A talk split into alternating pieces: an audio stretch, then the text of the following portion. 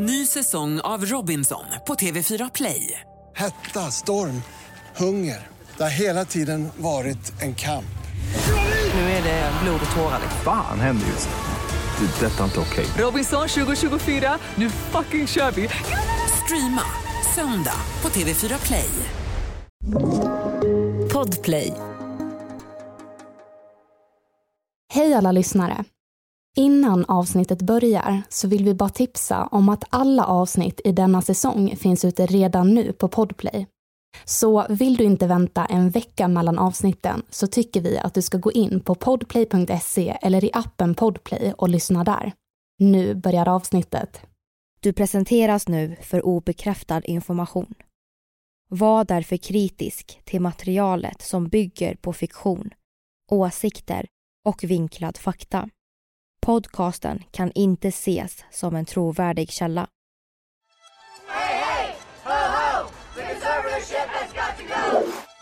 Ma'am, my dad and anyone involved in this conservatorship and my management who played a huge role in punishing me when I said, no, ma'am, they should be in jail.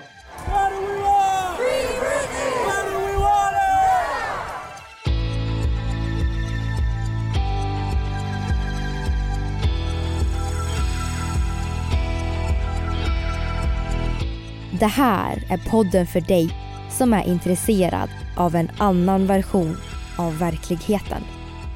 En version som tar upp alternativa teorier, mystiska sammanträffanden och diskussioner om vad som kan vara sant. Mitt namn är Vivi. Och mitt namn är Aida. Och det här är konspirationsteorier. Hej allihopa och välkomna till eh, dagens avsnitt om Free Britney. Det här är väldigt intressant för vi vet i princip sanningen nu så att eh, ja, ni får vara med och lyssna på det här. Mitt namn är Vivi Och mitt namn är Aida. och det är vi som driver podden Konspirationsteorier som många av er förmodligen redan vet för ni är här. Och vi kan ju gå igenom lite det som har hänt.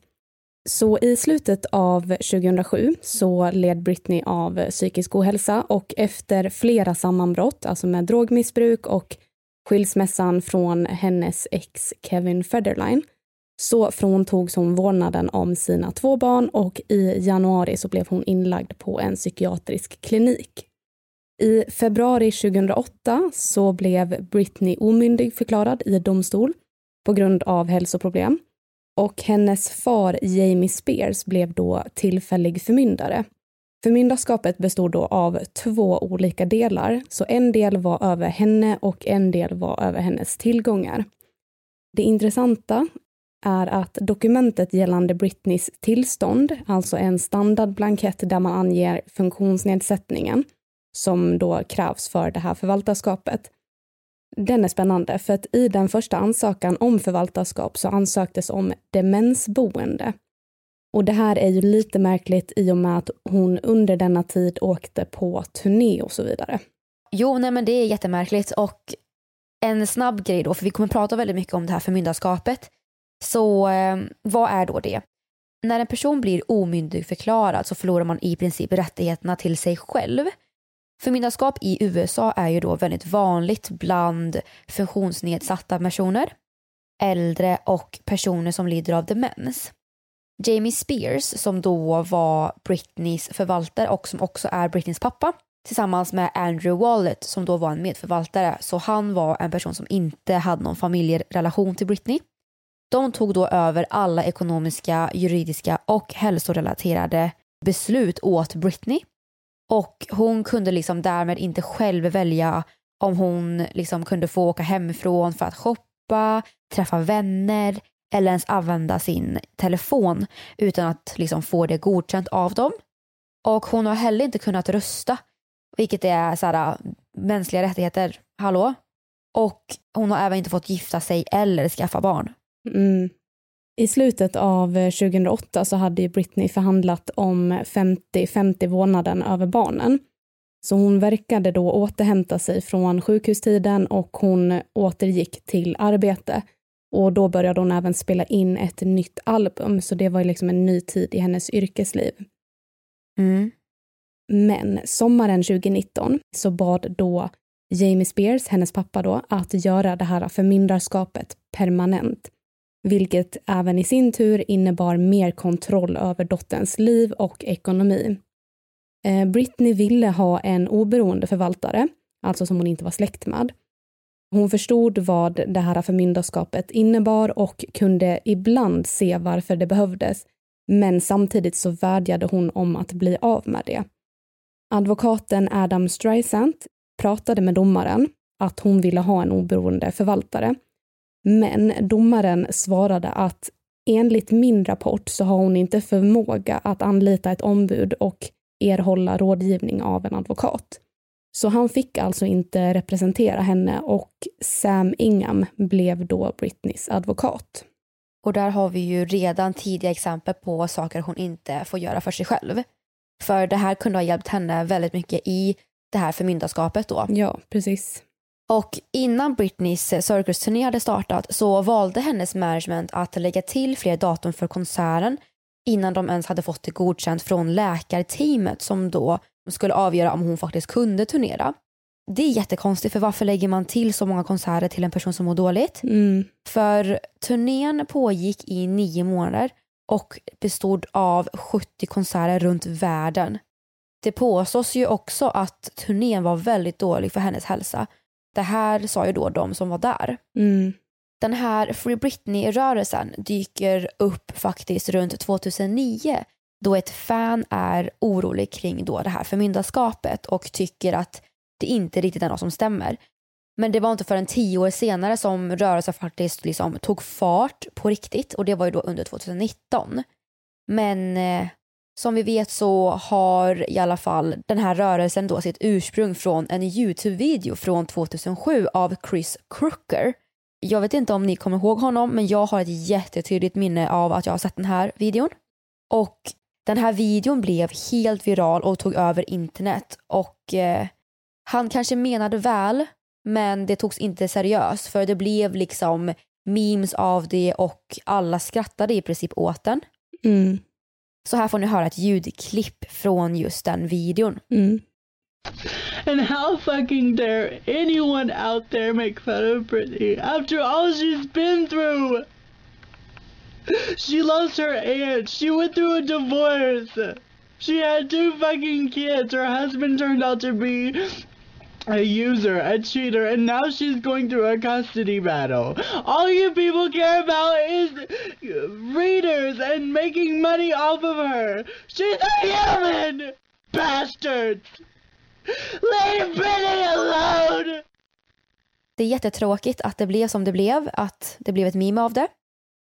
Men runt 2019 då så började fans faktiskt titta på ledtrådar och agera detektiver de själva.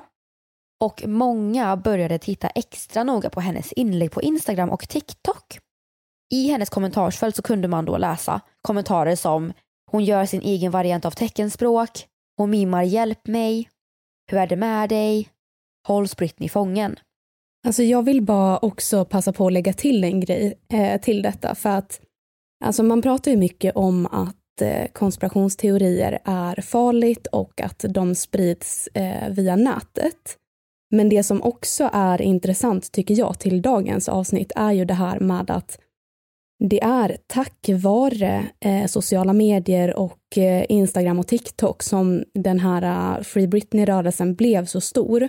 Där fans verkligen började titta på allt detta och publicera mer och mer och nu är hon fri från förmyndarskapet. Så jag tycker det är väldigt intressant det här med att konspirationsteorier är farligt men samtidigt också så finns det ju någonting positivt i det i det här fallet. Mm, ja, verkligen. För utan det här så hade ju inte det här hänt. Hon hade ju inte blivit fri idag på grund av bevisen som har kommits upp. Mm. I januari 2019 så ställde Britney in sin Vegas-show eh, Domination och hon gick även ut med att hon behövde ta en paus för att spendera tid med familjen, för då hade Jamie Spears blivit sjuk. Pappan alltså. Precis. I mars 2019 så plockades Andrew Wallet bort från förmyndarskapet. En månad senare, i april 2019, så var det en podcast i USA som heter Britney's Gram Och den podden går ut på att analysera Britneys Instagram-bilder. Den månaden så lade de märke till att stjärnan slutade uppdatera bilder på sin Instagram. Och då fick de in ett anonymt röstklipp från en före detta medlem i Britneys advokatteam som var då en trovärdig juristassistent. Och den här personen berättade då att Jamie Spears, alltså Britneys pappa, tvingat Britney att söka vård på ett rehabilitetscenter eller en psykiatrisk klinik då hon hade vägrat ta sina mediciner. Och här, nu, så tar den här Free Britney-rörelsen fart på riktigt med demonstrationer utanför West Hollywood City Hall. Och de här demonstranterna krävde då att Britney skulle släppas från behandlingshemmet. Vid den här tidpunkten så hade ju Britney inte riktigt vågat erkänna för sina följare hur hon mådde på riktigt. Så hon la ut en video där hon svarade att allt är bra. Men senare samma månad då så lämnade hon den här kliniken. Alltså här förstår jag ändå varför den tog fart för att han tvingade henne mot hennes vilja och folk misstänkte att det var något fel. Så eh, det förvånar mig inte. Och en intressant grej då är ju att några månader senare, faktiskt eh, redan i september, så eh, samma år då, så upphör Jamie Spears som förmyndare över Britneys så person. Men han styr fortfarande hennes ekonomi. Jodie Montgomery från då företaget Bessemer Trust tar då tillfället över förmyndarskapet.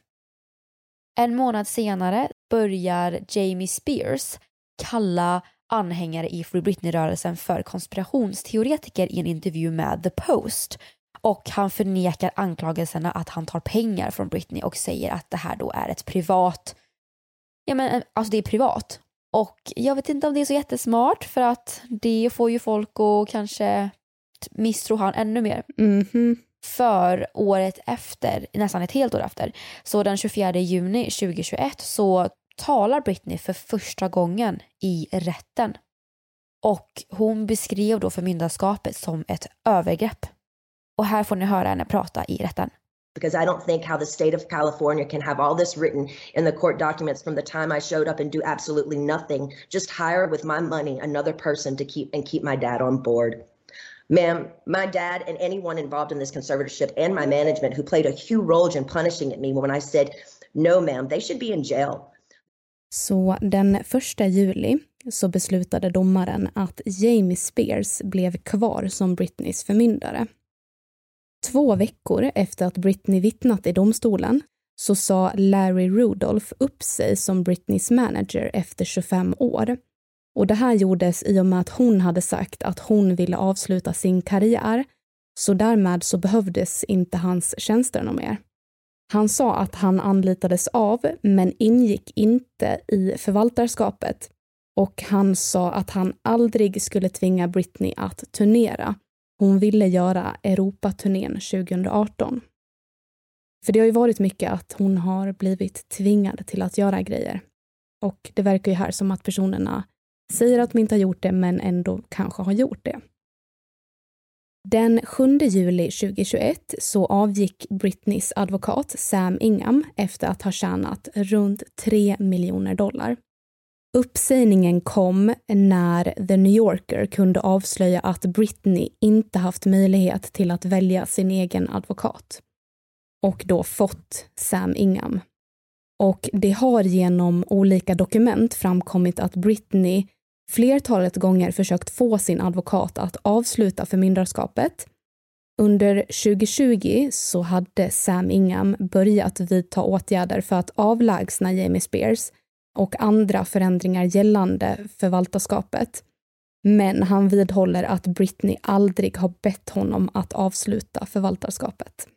Det låter ju som att han var en korrupt advokat i mina öron. Ja, i mina med. Mm. Den 15 juli 2021 då så godkänner domstolen att Britney faktiskt äntligen får välja sitt juridiska ombud och väljer då Matthew Rosengart som då blir hennes nya advokat.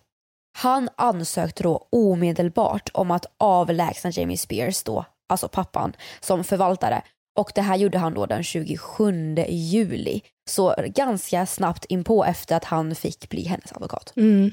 Och den 12 augusti 2021 då så bad Jamie Spears om att plockas bort som förmyndare och avsluta kontrollen över hennes tillgångar. Men han krävde dock en utbetalning på 20 miljoner kronor. Så Britneys advokat sa ju då att hon inte kommer att utpressas. Mm. Några månader senare, den 12 november, så bestämde domstolen att upplösa det här förvaltarskapet som då har pågått i 13 år. Ja, herregud. Ja, men man blir i chock så för att det är ju hennes egna familj. Vill inte man att sin dotter ska må bra? Hon hade kunnat gynna familjen mycket, mycket mer om de bara inte behandlade henne som en slav. Mm, exakt. För det är ju pappan som är väldigt intressant. Och han hävdar ju då att han plikttroget har tjänat som förvaltare av sin dotters egendom under 13 år av beundransvärd tjänst. Britney har ju tjänat miljontals dollar varje månad. Men hon har inte haft kontroll eller någonting att säga till om när det gäller de här pengarna. Hon har ju alltså bland annat eh, startat ett eget klädmärke, varit på turné, tjänat multum, men eh, inte haft någon kontroll över dem. Nej, så hon drar ju bara in massa pengar som hon inte får någonting att säga till om och det är verkligen en slav. Det är som att hon inte får betalt. Nej, och vi kommer ju prata mer om pengarna i, senare i det här avsnittet. Ny säsong av Robinson på TV4 Play. Hetta, storm, hunger. Det har hela tiden varit en kamp. Nu är det blod och tårar. liksom. Fan händer just nu. Det. är Detta är inte okej. Robinson 2024, nu fucking kör vi! Streama söndag på TV4 Play. Ett poddtips från Podplay. I podden Något Kaiko garanterar östgötarna Brutti och jag, Davva, dig en stor dos skratt. Där följer jag pladask för köttätandet igen. Man är lite som en jävla vampyr. Man har fått lite blodsmak och då måste man ha mer. Udda spaningar, fängslande anekdoter och en och annan arg rant. Jag måste ha mitt kaffe på morgonen för annars är jag ingen trevlig människa. Då är du ingen trevlig människa, punkt. Något Kaiko, hör du på Podplay. Därför är gardinerna. Men vi kan ju börja prata om en så otrolig sjuk grej. Det här påminner jättemycket om eh, alltså Edward Snowden-fallet. Mm. I dokumentärfilmen Controlling Britney Spears som då gjorts av New York Times så berättas det att Britneys kommunikation har övervakats utan hennes vetskap. Och där har vi redan massa röda flaggor. Mm. Oj. Britneys pappa Jamie Spears hade tydligen anlitat företaget Blackbox Security då som har ja, skött hennes säkerhet under förmyndarskapet. Den tidigare anställde Alex Vlasov som då arbetade som Executive Assistant and Operations and Cybersecurity Manager har berättat att företaget fick i uppgift av pappan att avlyssna all kommunikation. Så det visar ju sig då att det här säkerhetsföretaget har alltså övervakat och skuggat Britneys pojkvänner och när Free Britney-rörelsen tog fart under 2019 så ägnade de sig även åt att kartlägga personer inom rörelsen. Oj. Mm. Snacka om att gå extra milen så. De har också övervakat kommunikation över hennes telefon. Britney ville ju då ha en iPhone och efter en del om och men så fick hon äntligen till slut en. Men säkerhetsföretaget loggade då in med samma iCloud-konto på en iPad som då förvarades i ett låst kassaskåp. På så sätt så kunde de faktiskt se alla hennes fotografier, anteckningar och historik, hennes meddelanden, telefon och Facetime-samtal. I och med detta så har de alltså kunnat övervaka och ta del av kommunikation mellan Britney och hennes pojkvän. De har även kunnat ta del av hennes samtal med hennes barn och även vad Britney och hennes dåvarande advokat faktiskt har pratat om. Och det är inte bra. Alltså vad är det här? Mm. Och så här, det ska till exempel finnas sms då från Britney till hennes dåvarande advokat då hon var inlagd på en eh, psykiatrisk klinik där hon faktiskt skriver att det var mot hennes vilja. Och enligt lag så ska en förmyndare inte kunna tvinga en person till en sån behandling. Nej. Ja, men det tyder ju bara på så mycket korruption och eh, konspiration och eh, maktmissbruk, pengamissbruk. Alltså, Ja, alltihop. ja. Inte nog med det Det här säkerhetsföretaget då hade även installerat övervakningsutrustning i hennes hem. Och i dokumentärfilmen så berättar Alex Vlasov, alltså han som tidigare jobbade på Blackbox, att företaget hade 180 timmar ljudupptagning från hennes sovrum. Usch vad creepy. Mm. Då har ju folk ställt sig frågan, stämmer det? Mm. Och enligt New York Times så har faktiskt Alex Vlasov kunnat backa upp de här påståendena med då mejl, meddelanden och ljudinspelningar. För när han arbetade på Blackbox så fick han en USB-sticka med material från sin chef som han då skulle radera. Men det gjorde han ju då inte för det här höjde en hel del röda flaggor. Blackbox har ju då nekat till anklagelserna. Vdn Eden Geminis advokat har då svarat Mr Gemini och Blackbox har alltid bedrivit sin verksamhet inom yrkesmässiga, etiska och juridiska gränser och de är särskilt stolta över sitt arbete med att skydda Miss Spears. Mm. Och så här, mm, jag, vet inte, jag vet inte om det speciellt är etiskt, det de har gjort. Så ja, väldigt intressant yttrande. Ja. Enligt Blackbox vd då känner Britneys advokat Sam Ingham till att Jamie Spears och en annan person inom förmyndarskapet eller inom hennes fall som då hette Robin Greenhill, de kunde alltså läsa hennes sms. Mm. Så frågan är ju då, stämmer det och hur kan det i så fall ha tillåtits? Ja, och Britneys nya advokat Matthew Rosengart, han har ju också sagt att övervakning av all kommunikation är ett allvarligt brott. Att gömma ljudinspelningsutrustning i hennes sovrum är direkt skamligt via all avsikt att utreda dessa anklagelser grundligt. Vilket är superbra för att jag tänker ändå att det här stämmer för att om New York Times har granskat det här så känns det väldigt trovärdigt. Och jag hoppas verkligen att de kollar mer på det här för att vi har 13 år av förmyndarskap här. Jag hoppas på att de tittar grundligt på vad som har försiggått under alla de här 13 åren. Och så här, en annan fråga jag har. Kände rätten till vad som faktiskt pågick? Vet de om att hon har övervakats? Det är jätteintressant för det är så här, om de visste om det, då har ju de blivit mutade på något sätt. Mm, exakt.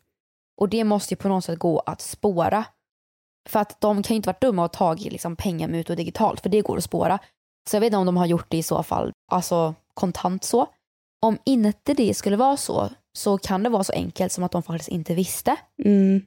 Det största problemet har ju varit att Sara, hon, det här med förmyndarskapet och att hon liksom inte haft förmåga, inom citat här, att anlita ombud och liksom kunna dra igång de här rättsliga processerna. Men jag tycker ändå så här, sen när det väl hände, då gick det ju väldigt fort, så att jag tänker och hoppas verkligen på att de tittar på alla de här åren nu i efterhand och ser att så här, det är så himla lurt. Ja men verkligen, verkligen. Men okej, låt oss komma in på pengarna. För det är det som det känns som att det största här handlar om. För Britneys pappa, Jamie Spears, han har blivit anklagad för att ha använt förmyndarskapet för att berika sig själv. Och innan vi kommer in på konspirationsteorierna om försäkringsbedrägeri och pengafuffel så tänkte vi bara kort berätta lite om Britneys ekonomiska tillgångar så att ni får en liten uppfattning här. Piece of Me gjorde hon i Vegas 2013 till 2017. Det var alltså 248 shower, över 900 000 sålda biljetter och 137 miljoner dollar i biljettintäkter. Vi har Piece of Me Tour 2018. Där var hon i nio länder, över 260 000 sålda biljetter och 54,3 miljoner dollar i biljettintäkter. Ja, det är så mycket pengar. Ja. 2017 tjänade hon 34 miljoner dollar. Enligt dokument så redovisar Britney cirka 2,7 miljoner dollar, alltså närmare 25 miljoner kronor, i kontanta tillgångar. Runt 60 miljoner dollar, det vill säga runt 530 miljoner kronor, i andra tillgångar och fastigheter värderade till cirka 8,5 miljoner dollar, vilket är drygt 78 miljoner kronor.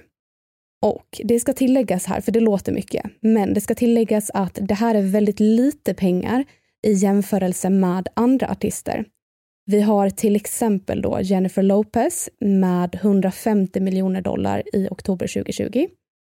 Jessica Simpsons med 110 miljoner dollar i oktober 2020 Vi har Rihanna med 600 miljoner dollar, Beyoncé 420 miljoner dollar och Taylor Swift med 365 miljoner dollar. Så Britney ligger ju där ganska långt efter. Och anledningen till det kan dels bero på att hon inte har släppt någon ny musik, men också för att hon har behövt stå för alla rättsliga kostnader under dessa 13 år av förmyndarskap för alla inblandade. Så hon har alltså behövt betala för sina advokater och hennes pappas advokater och även för allas löner. Alltså snacka om att bli rånad. Snacka om att bli rånad, ja. Det är helt galenskap. Och nu blir man provocerad här. För enligt dokument som Matthew Rosengart lämnat in till domstolen i Los Angeles så kan man alltså se att Jamie Spears har plockat ut 16 000 dollar, alltså runt 150 000 kronor i månadsersättning. 2 000 dollar, alltså runt 18 000 kronor i månaden för kontorsutgifter. Även 2,1 miljoner dollar, runt 19 miljoner kronor, på sin andel, alltså som var 1,5 procent av intäkterna i Britneys egendom i Las Vegas. Och 500 000 dollar, vilket är cirka 4,6 miljoner kronor på Britneys turné Femme Fatale år 2011, där han tog 2,95 procent av intäkterna enligt dokumenten. Det här är ju supermycket pengar. Och Britney då, hon fick 8 000 dollar i månaden. Nej men alltså snälla man, nej. Hon har verkligen blivit rånad och alla hennes rättigheter och det är ingen rättvisa i det här alls. Nej, alltså hans, han tog ut 16 000 dollar i månadsersättning och sen 2 000 extra för lite utgifter där. Britney fick liksom 8 000, alltså hon fick liksom hälften av det och det är ju hon som gör jobbet. Jag fattar inte, alltså hur, hur kan den här personen inte vara inspärrad? Mm, vi får hoppas att han eh, får bli det nu för att det här har ju verkligen misskötts så mycket. Mm, det är helt galenskap. Och eh, det här avsnittet då, alltså som vi pratar om nu, Free Britney, den tar ju då avstamp från New York Times dokumentär Framing Britney Spears och även då av uppföljaren Controlling Britney Spears. Vi har också tagit avstamp från en ny dokumentär på Netflix som heter Britney vs Spears och även filmen Slave Princess. Så år 1992 så grundade Louise Taylor, då som hon heter, men hon kallas för Lou Taylor. Hon hade då grundat företaget TriStar Sports and Entertainment Group som då bland annat erbjöd tjänster inom ekonomi. Och TriStar har ju då även arbetat med andra stjärnor som exempelvis Jennifer Lopez, Gwen Stefani och ja, flera stora artister helt enkelt. Och Lou Taylor arbetade då först med Britneys yngre syster Jamie Lynn Spears. År 2007, när då den 16-åriga systern då, som då spelade Zoe 101-stjärnan, alltså hon var väldigt känd så som det. När hon blev gravid så föreslog Lou Taylor att hon skulle skickas till en faith-based residential facility. Vilket hennes då mamma Lynn Spears var helt emot. Alltså jag vill bara flika in här att det känns som att okej, okay, man ska skicka in henne och hjärntvätta henne lite. Och, mm, exakt. Så här, vad, vad är det som försiggår här? Mm. Och runt 2008 då så började faktiskt Lou Taylor dyka upp på paparazzi-bilder med Jamie Spears då, som är Britneys pappa. Och det dröjde faktiskt inte länge innan hon blev någon slags talesperson för familjen Spears. Och här får ni kära lyssnare höra ett klipp från Today i då januari 2008. I really feel like people just do not know the Spears family. What they don't know about Jamie and Lynn Spears is that every day Jamie goes to work as a professional chef, asking the Lord to give him the strength to honor the people he works for in the midst of circumstances. That Lynn Spears is a mother that is brokenhearted just because she's apart from her daughter, that she loves her daughter so much, and again, asking every day for God to give her strength and for her to continue to have hope. I mean, I, I'm so disturbed, Meredith, where we've gotten to be as a people, the morbidity of us watching the depravity of people suffering, than to rally around and be hopeful. So, really, for I guess for me to be self indulgent for a moment, that I would really hope that all those who seek God for strength in their life would be interceding for this family because Jamie Spears, Lynn Spears, Brian, and Jamie Lynn Spears are all amazing people. Företaget Tristar och Lou Taylor anställdes eh, som Britneys affärsmanager året därpå, det vill säga 2009 i samband med Circus-turnén. Och de anställdes även 2010. Lou Taylor fattade då affärsbeslut åt Britney under förvaltarskapet. Det är ganska otydligt med Tristar och Lou Taylors inblandning i förmyndarskapet men det har blivit väldigt tydligt att hon och Jamie Spears har varit nära vänner under åren. I ett brev till skaparna av dokumentärfilmen Britney vs Spears så har Tristar medgett att representanter från företaget var delaktiga i vissa samtal angående ett möjligt förmyndarskap, men att det inte var deras plats att förespråka eller vara emot förmyndarskapet och att de inte har kunnat vara delaktiga i att tillsätta ett förmyndarskap eftersom att de började arbeta med Britney först vid 2009 och då var ju förmyndarskapet redan på plats. Men till det intressanta. Det sägs att Lou Taylor pratat med Jamie Spears om att begära ett tillfälligt förmyndarskap i domstolen redan 2008, kort efter att hon pratade med Today och blev liksom någon slags talesperson åt Spears-familjen.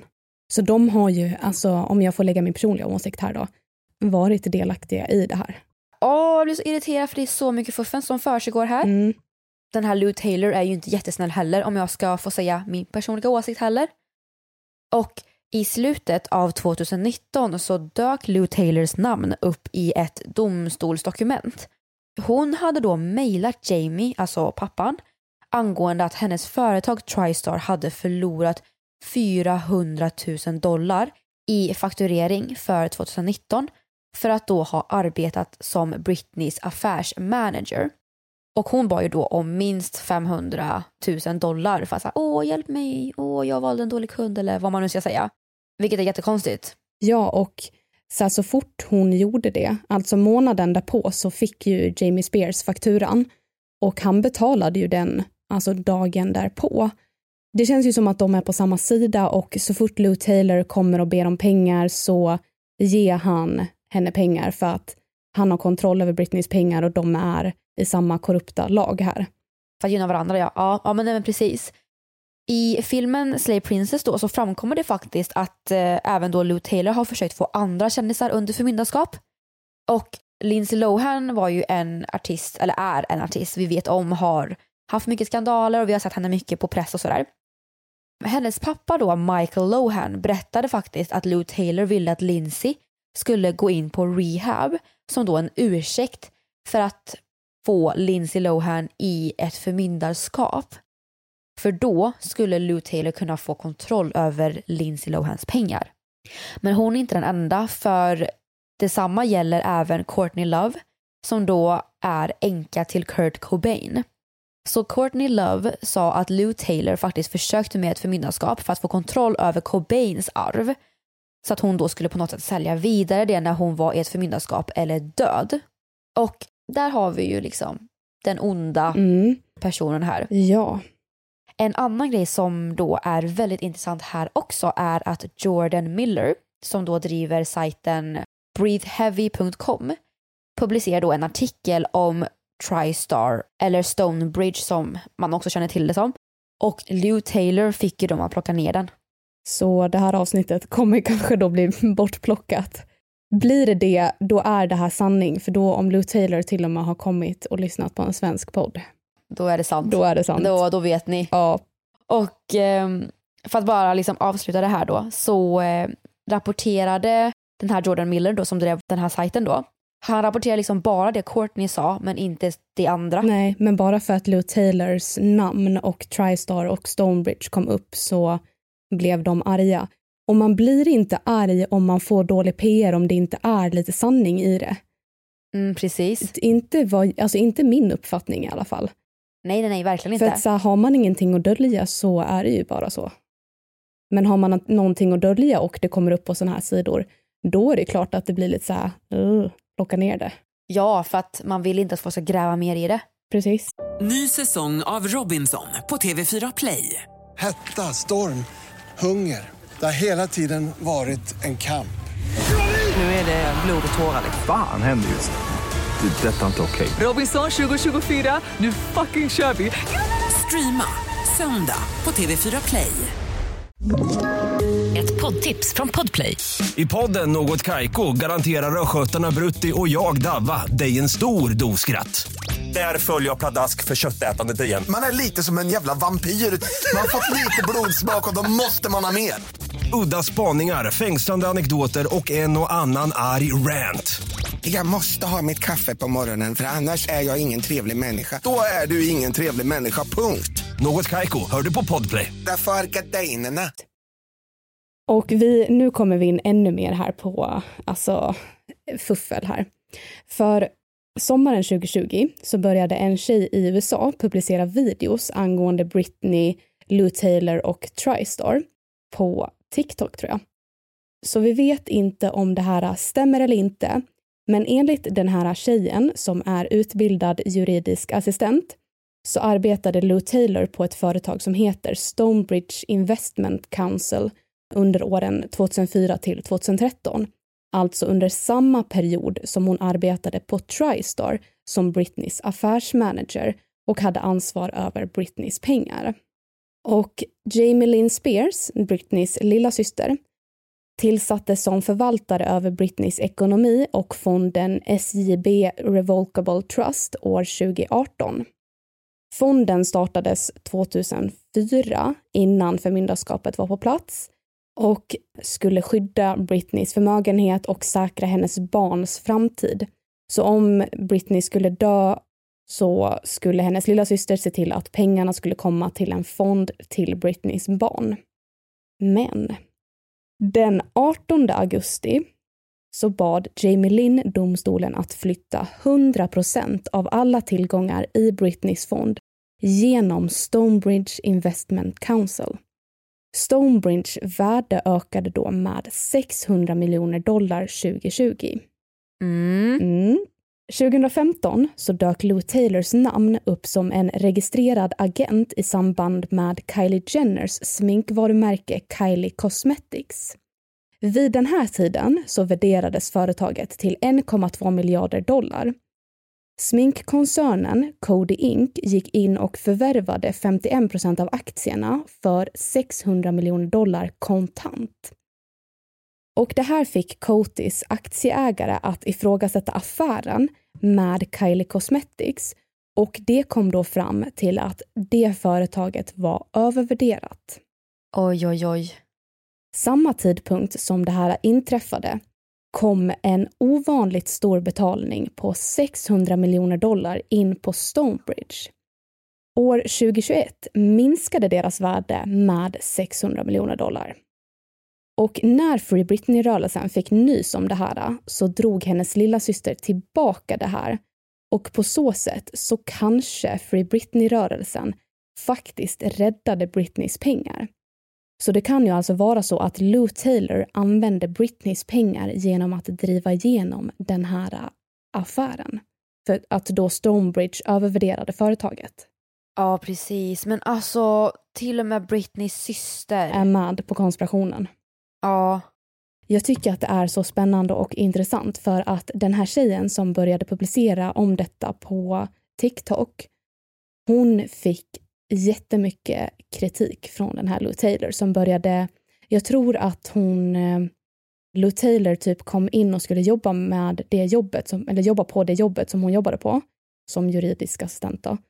Och att då Lou Taylor sa till dem att sparka henne. Och hon då, tjejen, hon liksom vägrade till en början för hon ville fortsätta uppdatera om det här. Men till slut så sa hon upp sig på sitt jobb för att hon tyckte typ att rätt ska vara rätt och så här, det här är ju liksom enligt henne då så här sanningen och hon tänker liksom inte vara med och dölja någon form av sanning. Så hon sa upp sig. så bra för det kan ju ha räddat Britney faktiskt. Ja, alltså det kan ha räddat Britney, det kan ha fått Britney att våga... För det här var ju liksom som sagt innan Britney blev fri från förmyndarskapet, så det kan ju även ha fått liksom för Britney-rörelsen att ta fart ännu mer. Det kan på så sätt ha gjort att Britney liksom har blivit fri från förmyndarskapet och ja, men liksom där vi är idag. Ja, men eh, förutom det här fuffens, eh, alltså med de här 600 miljonerna som saknas så är det ju även något annat som har gått tomt ju. Det sägs att 50 000 dollar gick till Lou Taylors charity Mercy Ministries som Lut och hennes man Rob då hade varit med och finansierat. Och det har ju liksom fått mycket, mycket, mycket dålig kritik. För folk har ju typ sett det här som någon form av kult och de har typ blivit uthängda som en, som på engelska de kallar för så här money making cult. Och jag får bara så himla dåliga vibes av det här paret och henne. En annan grej är också att Lou Taylor då även arbetade med Prince. Och den 2 januari 2021 så rapporterade IRS att hans tillgångar hade undervärderats. Oj. Och enligt IRS då så var han bara värd, eller ja, bara bara det är mycket pengar, men han skulle då ha varit värd 163,2 miljoner dollar. Och att de då hade undervärderat det till 83,2 miljoner dollar. Ja, det får man ju inte göra. Så vad händer där? Ja, jag blir... Eh, jag tror att vi alla kan komma överens här i alla fall om att Lou Taylor är ond. Men inte bara hon, hela familjen Spears är ond. Det är verkligen Britney mot Spears. Ja, och så här, vi vet ju sen tidigare om att Jamie Spears inte har varit en bra förälder och att de har inte haft en bra relation. Det har ju varit alkoholism och ja, alltså det här kan man ju titta i vilken dokumentär som helst. Men det känns också som att när Lou Taylor kommer med in i bilden, då blir det ännu värre. Att Sara, hur illa hade det varit om det bara var familjen Spears mot Britney? Nu känns det som att det är en konspiration med Lou Taylor, Tristar, Robin Greenhill och massa onda människor och advokater mot Britney Spears som tvingas jobba, slita röven av sig och tjäna massa pengar så att de inte ska behöva göra ett piss. Så att de kan ta de pengarna, investera dem i annat och göra slut på Britneys fonder och pengar och bara tvinga henne att jobba mer. Och nu kommer sanningen fram. Ja, men och leva ett lyxliv på någon annans bekostnad. Mm. Det är många spindlar i nätet i det här fallet alltså. Ja, vi kan ju avslutningsvis säga det att förmyndarskapslagen i USA kan komma att ändras framöver. Något som kallas för The Britney Act. Förmyndarskapslagarna i USA har gjort det svårt för en person under ett förmyndarskap att ansöka om att avsluta det. Det som har krävts för att det ska ta slut är att förmyndaren ber om det. Men det har inte varit förrän väldigt nyligen som Britneys pappa valde att gå åt sidan. Britneys fall har ju väckt många frågor kring systemet med förmyndarskap. Kan det här hända en av världens mest kända personer? Vad händer då och hur har det påverkat andra som är satta under ett förmyndarskap? Och nu har det börjat pratats om en lagändring gällande förmyndarskap, The Britney Act, som den har kallats, där politiker vill underlätta för personer som befinner sig under ett förmyndarskap att kunna ansöka om att få det slopat. Detta för att det inte ska kunna existera skadliga förmyndarskap. Och det här kommer förhoppningsvis tas upp i den amerikanska kongressen. Jag har läst lite nyhetsartiklar om att det kanske till och med är i rull redan nu. Förstår folk i Britney-rörelsen vad de har gjort? Alltså vilken förändring de har gjort. De har liksom kunnat påverka att det ska ändras i USAs lag. Det här ska ändras i lagen liksom. Det är verkligen så här, the power of the people. Eller the power of hennes fans just nu. Mm. Det är så himla sjukt också så här, om en av världens kända personer kunde ta skada av det här. Mm. Tänk dig då en vanlig liksom medarbetarperson. Ja, exakt. Som inte har mycket pengar. Nej, precis. Och även fast ett förmyndarskap kanske är till för personer med demens eller liksom äldre eller någon som inte kan ta hand om sig själv som, så finns det ju ändå människor som uppenbarligen, precis som Britney, har kunnat ta hand om sig själva men är satta under sånt här av andra skadliga konspiratoriska anledningar. Ja. Så det är jättebra. Och jag tycker verkligen, alltså läxan av det här är att kalla inte folk för konspirationsteoretiker för att alltså uppenbart så är det ju inte det. Tack Free Britney-rörelsen, de har till och med fått till förhoppningsvis en lagförändring här. Ja, och det är jättestort och det är så himla tragiskt att hennes förmyndarskap missbrukades så mycket för andras vinning. Mm. Hon ska ju skyddas, men hon har varit den som har tagit mest skada av alla. Och konstant velat bli fri från det. Ja, jätteintressant eh, fall faktiskt. Ett jättehemskt fall också. Men det liksom mest fantastiska med det här är ju att det har visat sig vara sant. Japp, vi har ett ytterligare exempel på en sann konspirationsteori här. Mm, verkligen. Och eh, det här var faktiskt allt vi hade för idag hörni och jag hoppas att ni tyckte om det här avsnittet. Vad tycker och tror ni lyssnar om det här? Det vill vi jättegärna höra. Så ni kan skriva till oss på Facebook och Instagram där vi heter konspirationsteorier och även i vår grupp, Facebookgrupp då, konspirationsteorier eftersnack. Snälla, det här är så intressant. Vi vill veta mer vad ni tror och tänker kring det här. Men ja, det här var allt vi hade så vi hörs väl i nästa avsnitt eller i nästa säsong beroende på när du lyssnade på det här avsnittet. Ta hand om er och ha det så bra. Hej då! Hej då!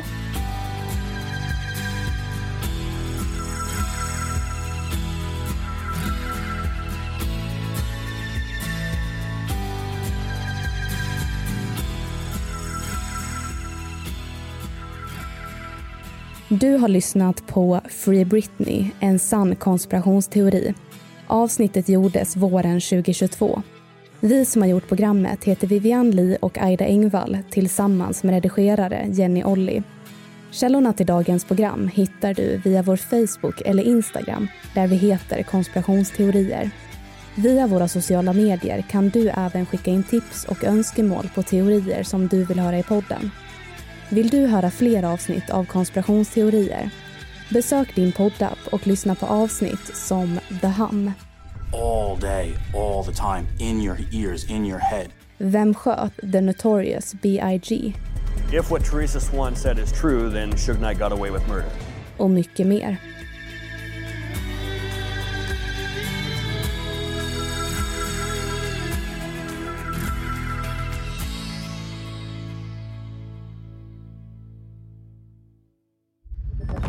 Podplay, en del av Power Media. Ny säsong av Robinson på TV4 Play. Hetta, storm, hunger. Det har hela tiden varit en kamp. Nu är det blod och tårar. Fan händer just nu. Det. är Detta är inte okej. Robinson 2024, nu fucking kör vi! Streama söndag på TV4 Play.